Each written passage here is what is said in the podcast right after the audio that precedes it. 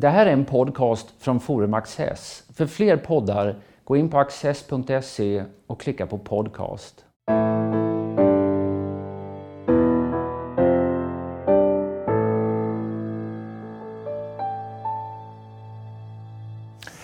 Välkomna till Studio Access. Temat för dagen är entreprenörskap och min samtalspartner i detta ämne är Pontus Braunehjelm som är ytterst väl skickad för detta. Du är professor vid KTH, forskningsledare vid Entreprenörskapsforum och har just avlämnat en diger eh, utredning som är ansvarig för Entreprenörskapsutredningen. Precis. Varmt välkommen hit. Tackar. Du tar upp många olika teman eh, i den här utredningen. Ehm, ett intressant gäller så att säga, möjligheten att komma tillbaka som företagare, som kanske är något vi inte har diskuterat så mycket, där och få en andra chans. Mm. Men för att få en andra chans så måste man också ha prövat på en första gång. Mm. Jag tänkte vi kunde börja där. Vad, mm. vad, hur står det till med entreprenörskapet i Sverige idag? Ja, det, alltså, Sverige har varit inne i en positiv trend när det gäller entreprenörskap när vi mäter det som antal nystartade företag och även när vi studerar varför man startar företag. Är det för att man vill bygga någonting kring en affärsidé man har eller är det därför att man inte hittar något annat sätt att tjäna in sin, sina pengar på så att säga. Eh, I Sverige så dominerar det här möjlighetsbaserade företagen. Man tror att man har en bra idé. Liksom. Eh, jämför vi oss med andra land, länder så befinner vi oss ungefär liksom i mittfåran när det gäller antal nystarter. Så tidigare låg vi väldigt lågt och nu har vi klättrat upp lite grann. Sen har vi en hel del så kallade enhörningar, det vill säga de här väldigt högt värderade unga eller nystartade bolagen, typ eh, Klarna. Eh, Spotify räknas också dit, även om de har tio år på nacken. Som liksom har lyft nimbusen kring det svenska entreprenörsklimatet i rätt hög utsträckning. Men det är fortfarande en väldigt, väldigt liten del av eh, entreprenörerna som, som finns i den kategorin. Mm. Möjligen ska vi vara lite noggranna med begreppen här också. Mm. Vad är en entreprenör egentligen?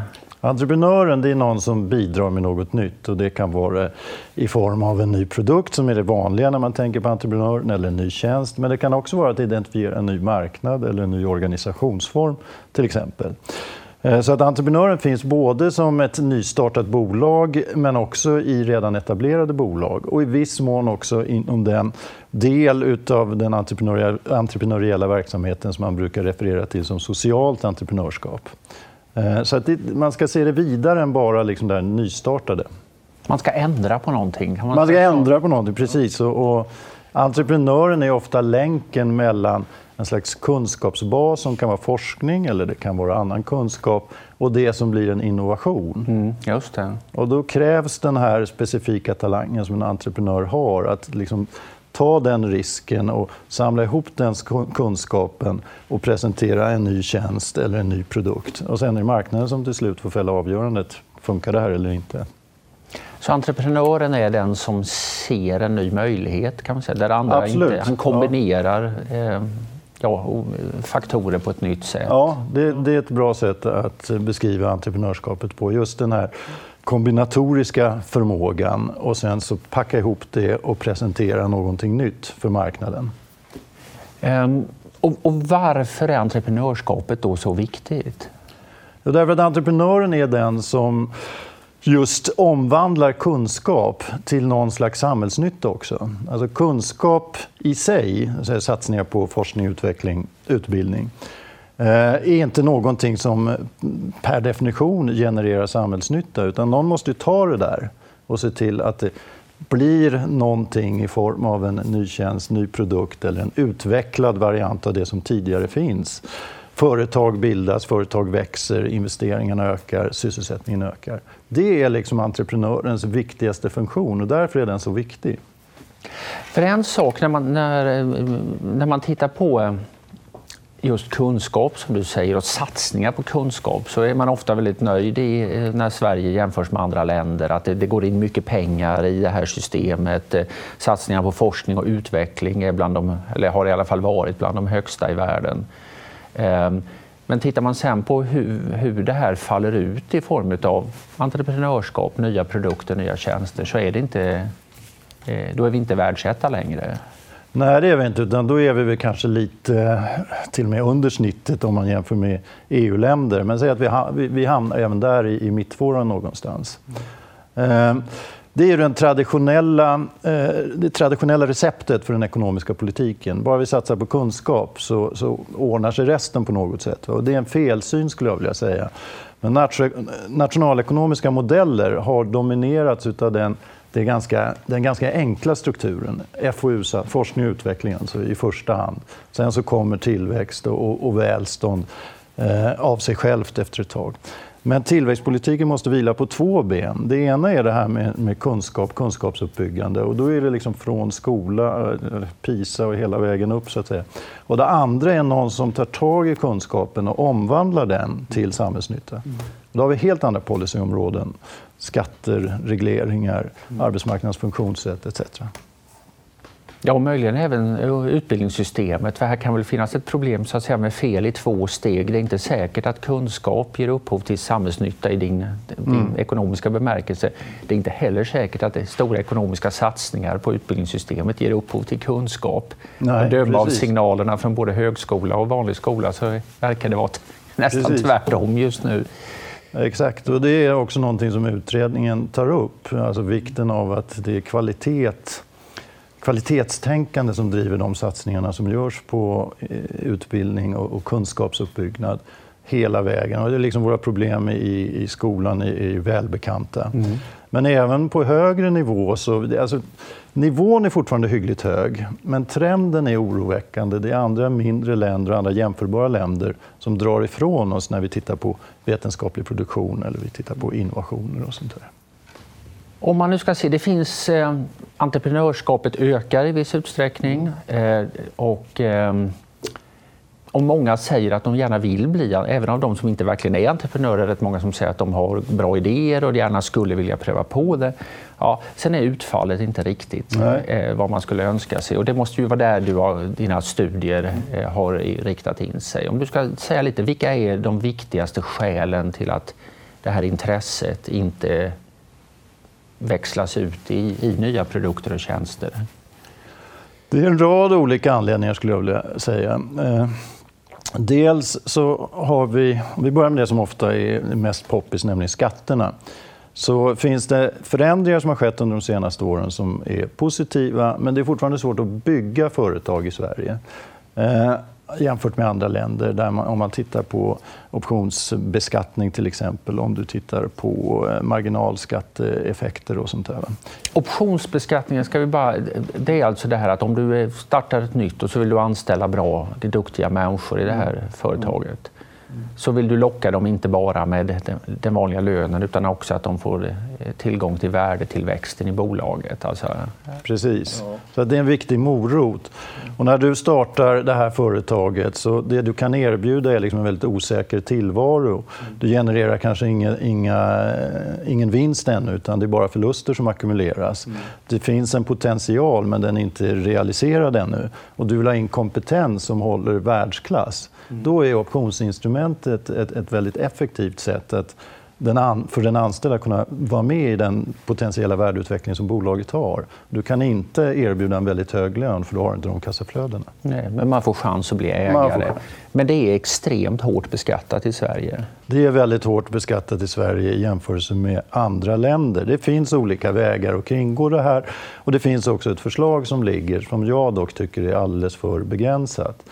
Och det är viktigt att se det här i ett slags globalt perspektiv. När vi tittar på bolagsskatten eller diskuterar bolagsskatterna då har vi alltid den här globala bilden framför oss. Nu har man sänkt skatterna där och där och då måste Sverige haka på. Mm. Och I princip är det samma sak som gäller på andra skatteområden som berör företagande och i viss mån individer också förstås. Inte minst optionsbeskattningen. Och här matchar vi inte hur det ser ut i, i andra länder. Mm. Är det det som är den viktigaste skattefrågan för entreprenörskap?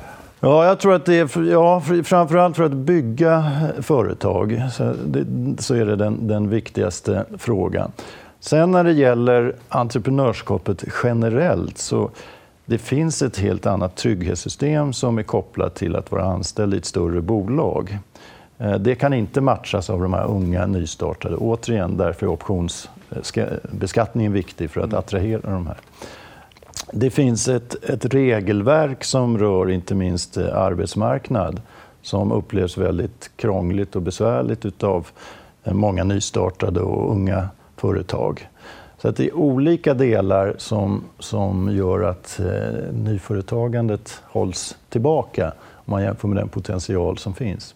Och du var inne på det, alltså det är väldigt många som själv tror sig ha en väldigt god idé. Där är Sverige exceptionellt, vilket är rätt intressant. Mm. Men man tar inte steget riktigt för att försöka utveckla det här. Då. För det är klart, om man tänker så här, om en, en ung, ung människa ska starta företag eller ta ett jobb, där är valet kanske inte riktigt lika dramatiskt. Där kan det vara svårt att få finansiering, men du är, ja, du är ändå i början av din karriär. Men har du varit liksom, eh, i karriären i ett stort bolag och har liksom god pension framför dig och karriär och mm. utlandsmöjligheter och allt detta. Mm. Eh, ja, vad lockar man med för att en sån person ska våga ta steget till eget istället?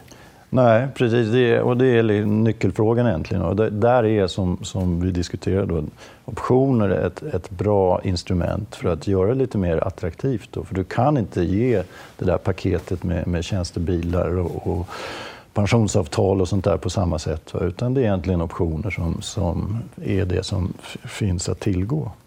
Vad vet forskningen här eh, om hur viktiga de här ekonomiska skälen är? Ibland finns det en ganska glad och idealistisk bild av entreprenören som bara är någon som kokar av eh, kreativ kraft och bara helt enkelt inte kan låta bli att starta eget och driva eget. Och, att, och en del säger liksom en, en entreprenör som är värd namnet eh, låter sig inte hindras av några trista regelverk. Nej, men det ligger en del i det också. Det, det Eh, förmodligen ett karaktärsdrag hos entreprenören, en vilja att lösa ett problem och, och testa någonting. Men så småningom, så även om du går in liksom med den här eh, glada optimismen i ett, i ett försök att starta och bygga ett företag, så småningom så kommer du stöta på de här olika ramvillkoren, om du så vill, eller regelverken, eller skattestrukturen och sånt där. Och det, det är då som eh, individen förstår liksom, vilken miljö verkar jag i. Och det är då som det kan bli hämmande och sen så sprids det där etc. etc. Så att, eh, den effekten finns där, det är liksom genuint optimistiska. Mm. Men man kan uttrycka det så här kanske, att förutsättningarna för att starta och bygga ett företag, det är egentligen mötet mellan en individ, eller en idé hos en individ och de förutsättningar som individen omgärdas av. Alltså regleringar, skatter etc. Och är de mindre förmånliga så, så bromsar man det helt enkelt. Och det är liksom att gå tillbaka lite till ett individperspektiv på det som driver ekonomisk tillväxt, vilket jag tror är viktigt. Ett av kapitlen i din utredning, jag ska inte bara prata om den, men det, ja, det, den är färsk och ligger, det ligger nära till hands. Men ett, ett av kapitlen handlar just om det här du kallar för ramvillkoren, alltså de stora sociala systemen är det förenklat att säga att de helt enkelt är byggda för en annan... De är byggda för personer som är löntagare i, i företag snarare än för entreprenörer? I mycket högre utsträckning så är det ju så. Eh, och frågan som jag tycker regeringen ska ställa sig, hur väl förberedda är man för att försörjningsstrukturer och företagande kommer att se ut på ett annat sätt, säg inom kanske 10-15 år redan?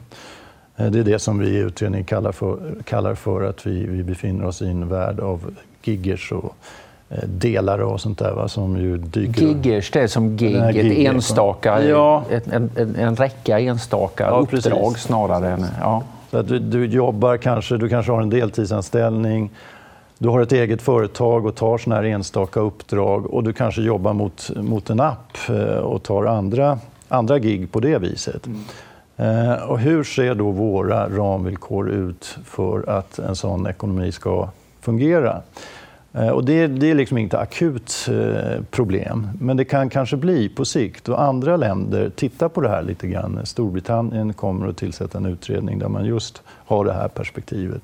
Schweiz eh, utreder hur kan man göra sin ekonomi så attraktiv som möjligt för det som håller på att hända inom den eh, finansiella sektorn, alltså det som kallas för fintech. Mm. Fintech, nya bolag inom eh, finanssektorn som växer fram och har radikala lösningar på, på hur eh, olika funktioner ska se ut framledes jämfört med bankernas sätt att lösa det. Mm. Men känns det futtigt och litet ännu så att det inte riktigt väcker stort engagemang? Ja, det kan man... Alltså det är fortfarande ganska marginellt om man ser på det på det viset, tror jag. Och det är väl i och för sig riktigt att det, det har inte fått en jätteomfattning ännu, men det växer ju på sina håll på ett anmärkningsvärt sätt. Du har Airbnb, alltså hotellverksamhet. Mm. Du har Uber och du har eh, en rad andra sådana här mm. Eh, verksamheter. Det här med futtigt och litet. Jag, jag har ibland eh, jag har ibland tänkt på detta även när det gäller liksom, ja, små nystartade företag. Man, man, man, kan väl säga att det, det finns en, en generositet, alltså välvilja gentemot de här eh, små verksamheterna och entreprenörskap som är rätt ja, starkare än kanske någonsin tidigare. Alltså att I den allmänna retoriken så är det, det är nästan ingen som är emot det här längre. Du träffar aldrig en kommunpolitiker som säger att vi, vi, eh, vi avskyr företag eller vi vill inte ha några småföretagare, utan alla är numera för detta. Eh, samtidigt är det på något sätt som man har väldigt svårt att ta det på riktigt, riktigt allvar. Det kommer studie efter studie som visar att sysselsättning uppstår numera i hög grad i nya och små, nystartade och snabbt växande företag. Sånt här. Ändå är det som det inte går in på riktigt att det är detta som sker. Du har hållit på med de här mm. frågorna under lång visat stort tålamod får man väl säga i den här entreprenörskapsdebatten. Och liksom, har du funderat över det här? Vad är det som gör att det inte riktigt slår igenom? Det är säkert en rad olika faktorer. En är väl med all sannolikhet det, det svenska mycket framgångsrika storföretagsberoendet. Men det bottnade ju en gång i ett entreprenörskap som var väldigt dynamiskt och som faktiskt var liksom vaggan till det svenska välstånd som så småningom byggdes upp då under 1900-talet. Eh, men i takt med det så har man, eh, liksom, intresset har falnat för de här eh, lite mer svårdefinierbara entreprenörerna och hur man ska kunna stimulera dem och varför de är viktiga. Därför framgångssagan har varit betydande för storföretagen. Mm. Så det är säkert ett skäl. Va? Sen, eh, det är mycket svårare politiskt att hantera en politik som eh, ska riktas mot entreprenörer eller mindre företag. Vi går tillbaka till det vi pratade om, liksom kunskapssatsningar. Mm. Ja, det är så väldigt lätt och det är så lätt att mäta. Ja, forskning och utvecklingssatsningarna är så och så många procent av BNP. Men det här andra, det är inte alls lika lätt att sätta fingret på. Eh, och vilka åtgärder som ska till. Så att, jag tror att det är en, en, kombination av de här två sakerna och en expanderande offentlig sektor som sög upp all arbetskraft och sånt där under, under flera decennier. Så att det var liksom inget problem. Eh, tittar vi framåt så tror jag dock att det blir avsevärt mycket viktigare då att se till att man är attraktiv för ett internationellt eh, entreprenörskap som är verksamt i Sverige. Är det så att den här politikens logik, så du är inne på det lite nu, att den kräver att det ska vara synligt och tydligt och att man satsar på någonting och att man ska kunna ta åt sig äran för detta?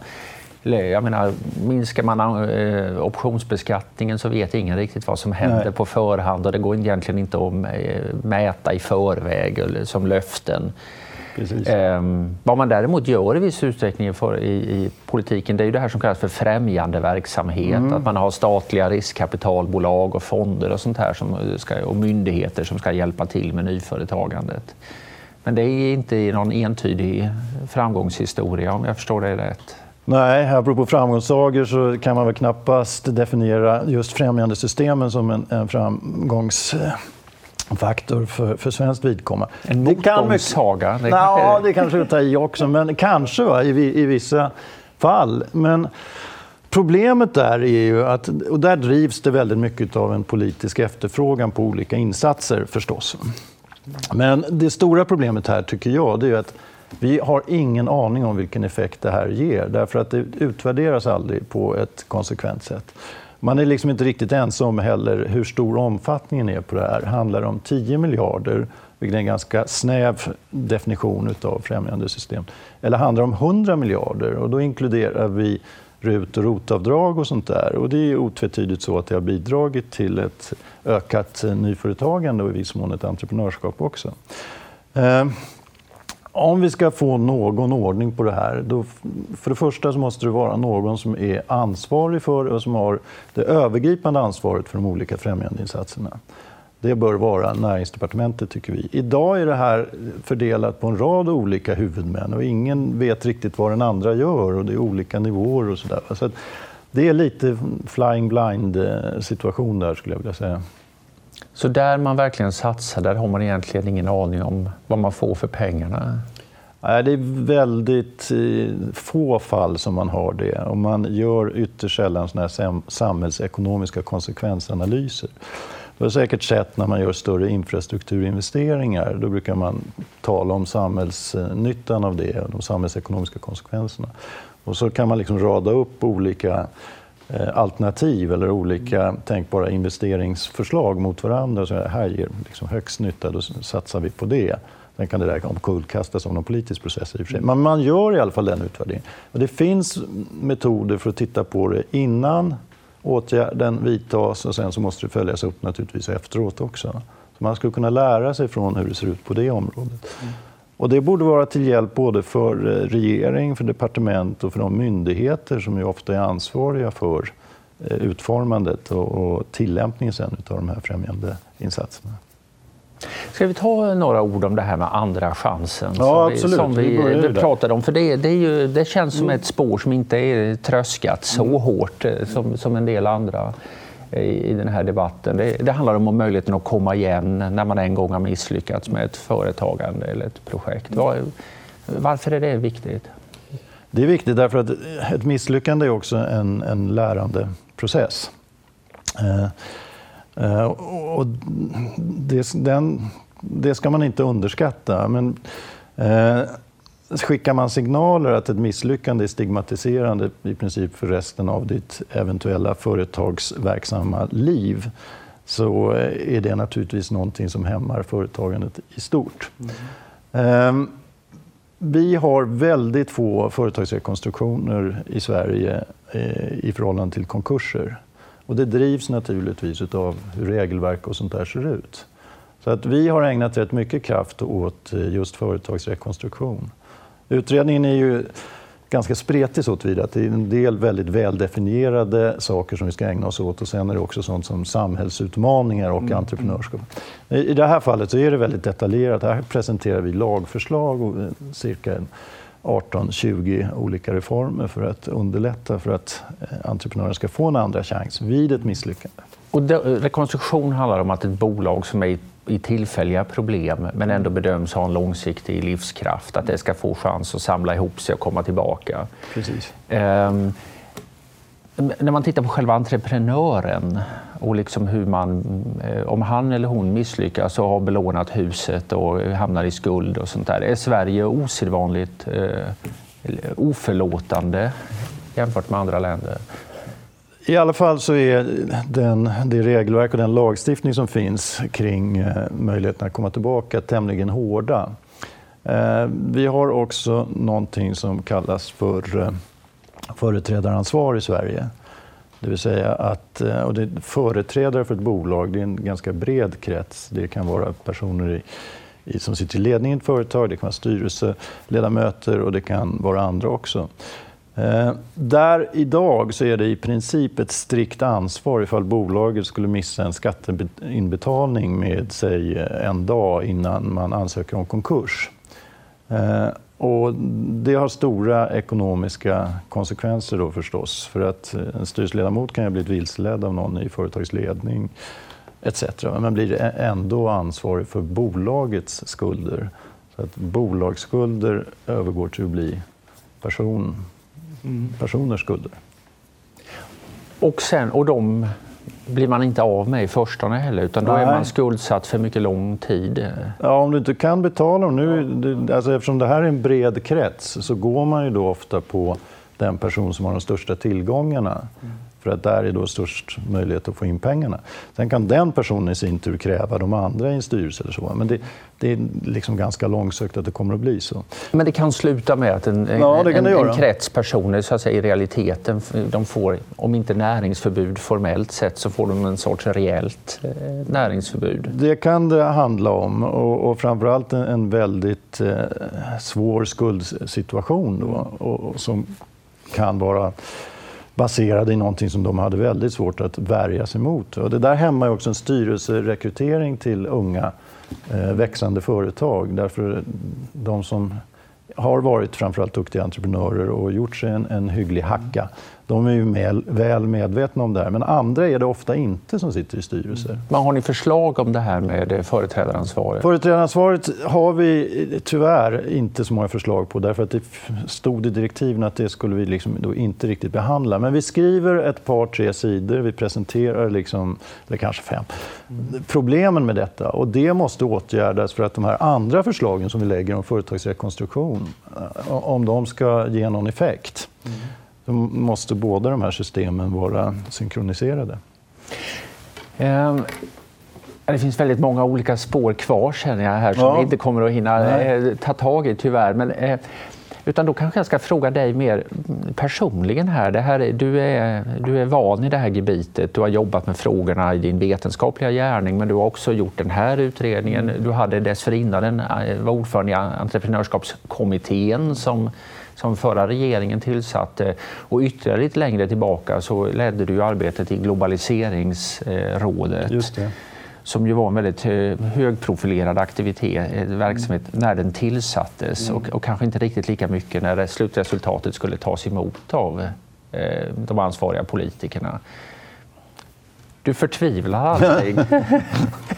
Nej, men jag, man kan väl säga att även jag har gjort en lärresa här. Ja. Så tillvida att eh, som eh, forskare på området så, där, så tror man att, att här har jag ett väldigt bra argument för varför man bör göra på det ena eller andra sättet och det bör naturligtvis våra politiker ta till sig.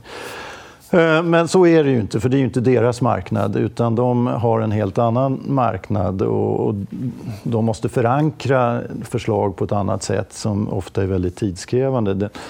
Det är en, en realitet som, som man ofta bortser från om man kommer från akademin, tror jag. Eh, på sikt också tenderar väl underbyggda eh, förslag att arbeta sig in i systemet. Och det, det är kanske ingen som slår på stora trumman för det, liksom. men det, det, är ändå någonting som successivt förs in. Det är min erfarenhet och det är därför som jag fortsätter också. För även den här utredningen har ju varit ganska tyst om när den kom. Så har jag förhoppningar om att den så småningom ska faktiskt ge ett visst fäste i, i den politiska verkligheten också. De står på hyllan och liksom ja. strålar ut kunskap och insikt ja, till sin publik. Ja. Precis. Och så småningom smittar några förhoppningsvis. Ja, vi får hoppas på det. Pontus Brödhjälp, stort tack för att du har varit med. Tack så mycket.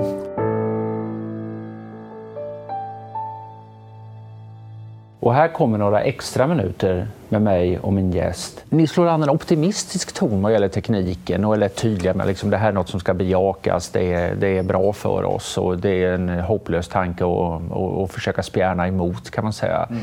Ehm, det här att eh, robotarna ska ta ifrån oss alla jobben, eller hälften av jobben som en del har varit ute och sagt, det, ni tror inte riktigt på det?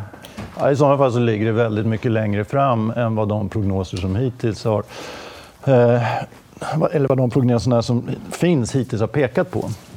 Eh, det finns nya studier där man har försökt replikera de resultat som har kommit fram tidigare. Mm. Som hävdar att ungefär 50 procent av arbetskraften riskerar att bli ersatta av artificiell intelligens eller robotar eller så. Eh, och då har man använt sig av mycket mer finfördelade data. Vad handlar de här olika arbetsuppgifterna om egentligen? Eh, och med de data då visar man att för OECD-länderna så kanske det är 9% av arbetskraften som riskerar att bli ersatt av eh, robotar eller, eller AI. Då. Mm, mm. Vilket är väsentligt mycket lägre än de tidigare prognoserna. Det är ingen risk att någon replikerar denna studie i sin tur och det visar att det är 60 procent av, av jobben som ryker. Ja, det vet man aldrig. Det tillhör ju liksom eh, forskningens dynamik att det kommer fram lite olika resultat och sådär. Men det här är duktiga forskare. Det har de andra i och för sig också varit som har tittat på det här. Men fördelen är att de har använt sig av andra databaser. Då. Mm. Eh, vilket jag ju, tror gör resultaten eh, trovärdiga. Sen kopplat till det så har de här ekonomhistorikerna gått tillbaka och tittat på tidigare teknikskiften och konstaterat att det är ungefär samma farhågor som har rests då. Från och med luditerna någon gång på slutet av 1700-talet, början av 1800-talet som var emot mm. Eh, ångdrivna vävstolar och sånt där. Så att de här, den här rädslan har hela tiden funnits och sen så har verkligheten visat att det förhöll sig på ett annat sätt och egentligen så har det bidragit till människors levnadsstandard och eh, samhällets välstånd. Det var ju, de här ekonomerna, eh, Rogoff och Reinhardt, eh, skrev ju en bok för några år sedan om att this time it's different, ja. som alla de finanskriser då i och för sig. Men liksom, ironin där var ändå på något sätt att nej, nej, det är inte annorlunda den här gången heller, utan det, det följer det här mönstret. Ja. Men, men, är det otänkbart att någonting, digitaliseringen och Eh, Eh, artificiell intelligens faktiskt innebär någon sorts kvalitativ förändring som gör att jobben skulle kunna vara mer hotade än vad de har varit av mekanisk och elektronisk teknik? Nej, det är nya grupper som trots allt blir hotade. Eh, I de här studierna så pekar man dock återigen på att eh, välutbildad arbetskraft sannolikt har en fördel gentemot de som är inte fullt så utbildade. De som är verksamma i ett väldigt lokalt servicesamhälle, de är nog inte heller så hotade. Liksom. Men eh, på sikt, det kommer att innebära omställningssituationer naturligtvis för, för arbetskraften. Eh, och går vi riktigt långt fram, ja, då kan ju ingen uttala sig med säkerhet om vad som kommer att hända. Om vi går mot en så kallad eh, arbetskraftssingularitet, då liksom arbetskraften är helt överflödig låter i och för sig ganska positivt. Jag har träffat en kollega eh, till dig på KTH, Gunnar Karlsson, som, ja. som hävdar att en dag kommer alla jobb att skötas av ja, datorer, ja, eller åtminstone kunna göra det. Ja, ja. jag, jag är väldigt tveksam till det och som sagt var även den här internationella litteraturen pekar på att det kommer ta tid. Men det är en dag som du säger, alltså det kan ligga väldigt långt fram i tiden. Det, det är svårt att uttala sig om idag. Vi, vi, har pratat en del om politik, alltså strukturpolitiken här, eh, arbetsmarknadsfrågor, skattefrågor och sånt där. Om man ser till den ekonomiska politiken så har vi en rätt, eh, det är en rätt speciell situation nu med en ekonomi som går ganska skapligt men ändå med extremt låga räntor och kapital är nästan gratis. Mm. Eller, eller ja, det är för företag är det kanske inte ja. så, men det, men det är billigt det är det, i, ja, i, i, varje fall. Spelar det någon roll för entreprenörskapet i ett samhälle? Ja, det är en bra fråga. Alltså det är ju, dels pekar du på den svenska situationen där tillväxten ju är tämligen god. Och där har skett en del strukturreformer som har ökat entreprenörskapet också. Till exempel RUT och ROT. Internationellt så är bilden inte riktigt lika eh, ljus på, på många ställen. Och vi pratar om det här med sekulär stagnation. Liksom. Har vi gått in i ett skede av ekonomin då vi får leva med låga tillväxttakter och låga produktivitetstal. Ehm, och I vilken mån det är gynnsamt eller icke för, för entreprenörskapet ehm, är en svår fråga. Jag tror att entreprenörskapets förutsättningar framförallt kopplar till den teknikutveckling som vi har sett och, kommer att se mer utav. Eh, en generell lägre efterfrågan det är naturligtvis någonting som inte gynnar entreprenörerna. Men det kan å andra sidan öppna upp möjligheter därför att det gamla stora elefanter på marknaden, storföretagen, kanske blir mer eh, ska, omskakade av det. Eh, och då kan nytt tänk kring hur man ska lösa olika saker och vilket behov som finns där ute föras fram av entreprenörer. Så det, är väldigt svårt att uttala sig om, tycker jag. Mm. Avslutningsvis, då, om du ska lyfta fram några av de förslag som du själv, nu tänker jag inte på din utredning, utan du Pontus Browning, Jaha, tycker okay. är de viktigaste, några stycken för, för entreprenörskapsklimatet i Sverige. Vilka skulle du vilja, vad har du för käpphästar? Nej, men en käpphäst är ju naturligtvis eh, skatterna. Och vi måste se skatterna som ett tillväxtinstrument och inte ett, enbart ett fördelningspolitiskt instrument. Eh, och där handlar det om att vi bygger företag, kunna bygga företag i Sverige. Och vi har redan berört dem lite grann, optionsskatter och andra skatter, bolagsskatter, eh, i, i viss mån hur man skattemässigt hanterar eh, forsknings och utvecklingssatsningar. Det måste finnas på plats. Det andra är det här som, som vi också har pratat om, alltså andra chansen. Det tror jag är centralt viktigt. Eh, och då är det företagsrekonstruktion där vi då har en rad olika förslag. En viktig del i det. Det, det är två delar. Den tredje som vi tenderar kanske att underskatta, men det är liksom rörlighetsaspekter. Rörlighet och i viss mån förtätning. Eh, ny forskning visar tydligt på att eh, rörlighet på en arbetsmarknad är något som främjar innovation. Mm. Och innovation tror vi driver liksom tillväxt och välstånd och sånt där. Eh, så då ska vi inte vara så rädda för, för mer av, av rörlighet på arbetsmarknaden. Och det visar sig både på svenska och på data för andra länder att det där är, är positivt för innovationsverksamheten. Likaså för eh, företagsstarter.